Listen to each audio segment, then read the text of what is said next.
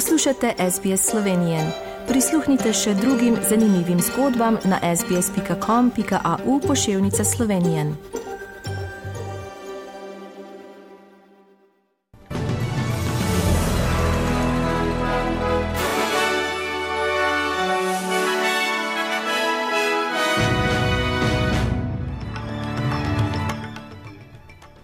V poročilih 25. marca 2023.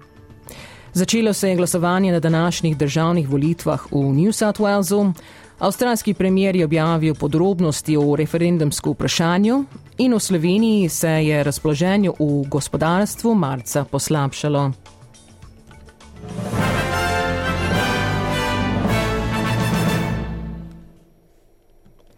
Danes v New South Walesu potekajo državne volitve, ker več kot 4 milijona ljudi se bodo odločili, kdo bo oblikoval vlado za naslednja štiri leta.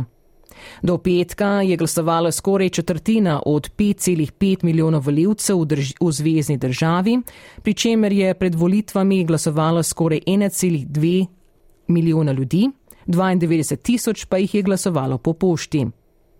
Sedanji premijer Dominik Perrota in vodja laboristov Chris Min sta vodila trdo kampanjo na ključnih mestih v zahodnem Sidneju, kjer živi vsak deseti avstralec in bi lahko odločila tudi o izidu volitev. Perrotaj naj bi glasoval v svojem sedežu Epingu na severozahodu Sidneja, medtem ko bo Minz oddal svoj glas v sedežu Kogara na jugu mesta, ki ga ima z ni cela ena odstotno prednostjo. Više sodišče v Avstraliji pa ne bo dvomilo, da bo parlament obdržal svojo premoč, če bo glasovanje domorodcu izvedeno, pravi ključna oseba njegove zasnove.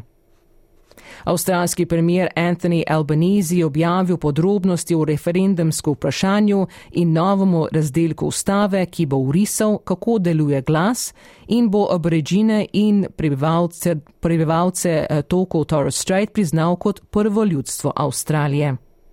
The question that Australians will be asked at this year's referendum is a very simple one.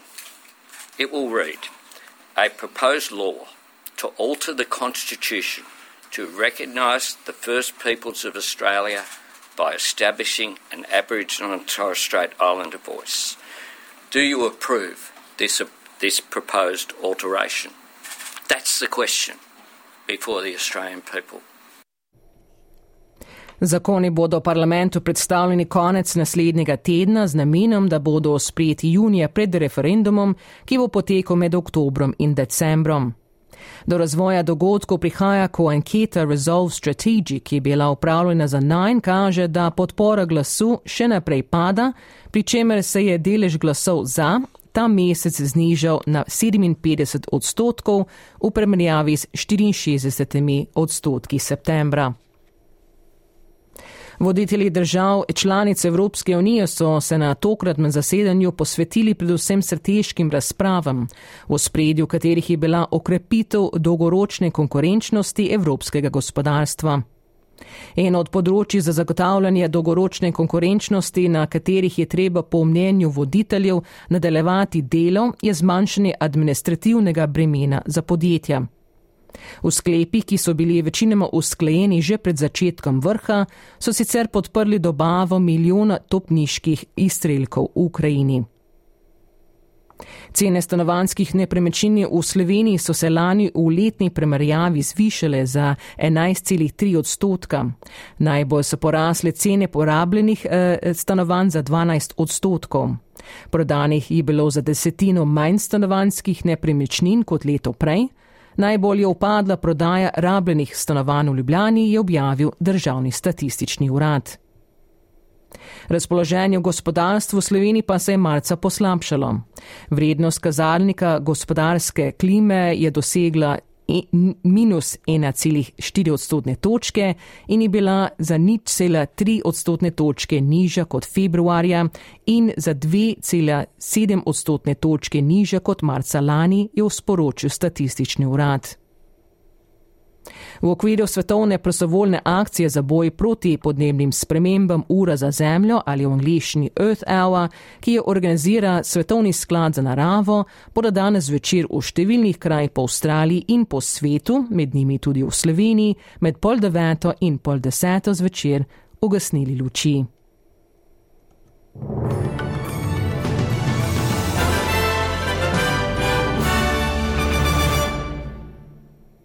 Preglejmo tečajne liste in vreme. Za ameriški dolar boste odšteli 1,50 dolar za evro in avstralski dolar in 62 centov.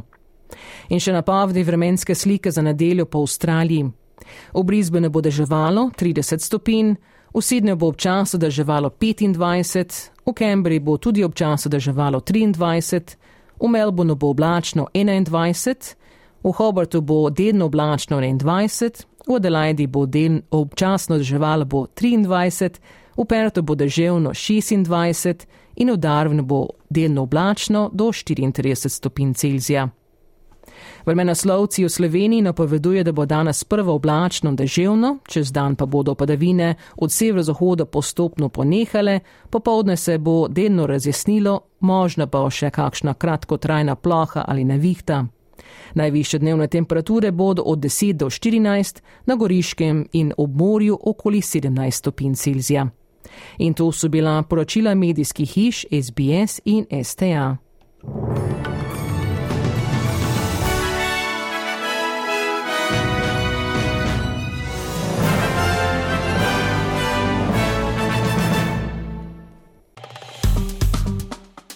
Všečkaj, deli, komentiraj. Spremljaj SBS Slovenijo na Facebooku.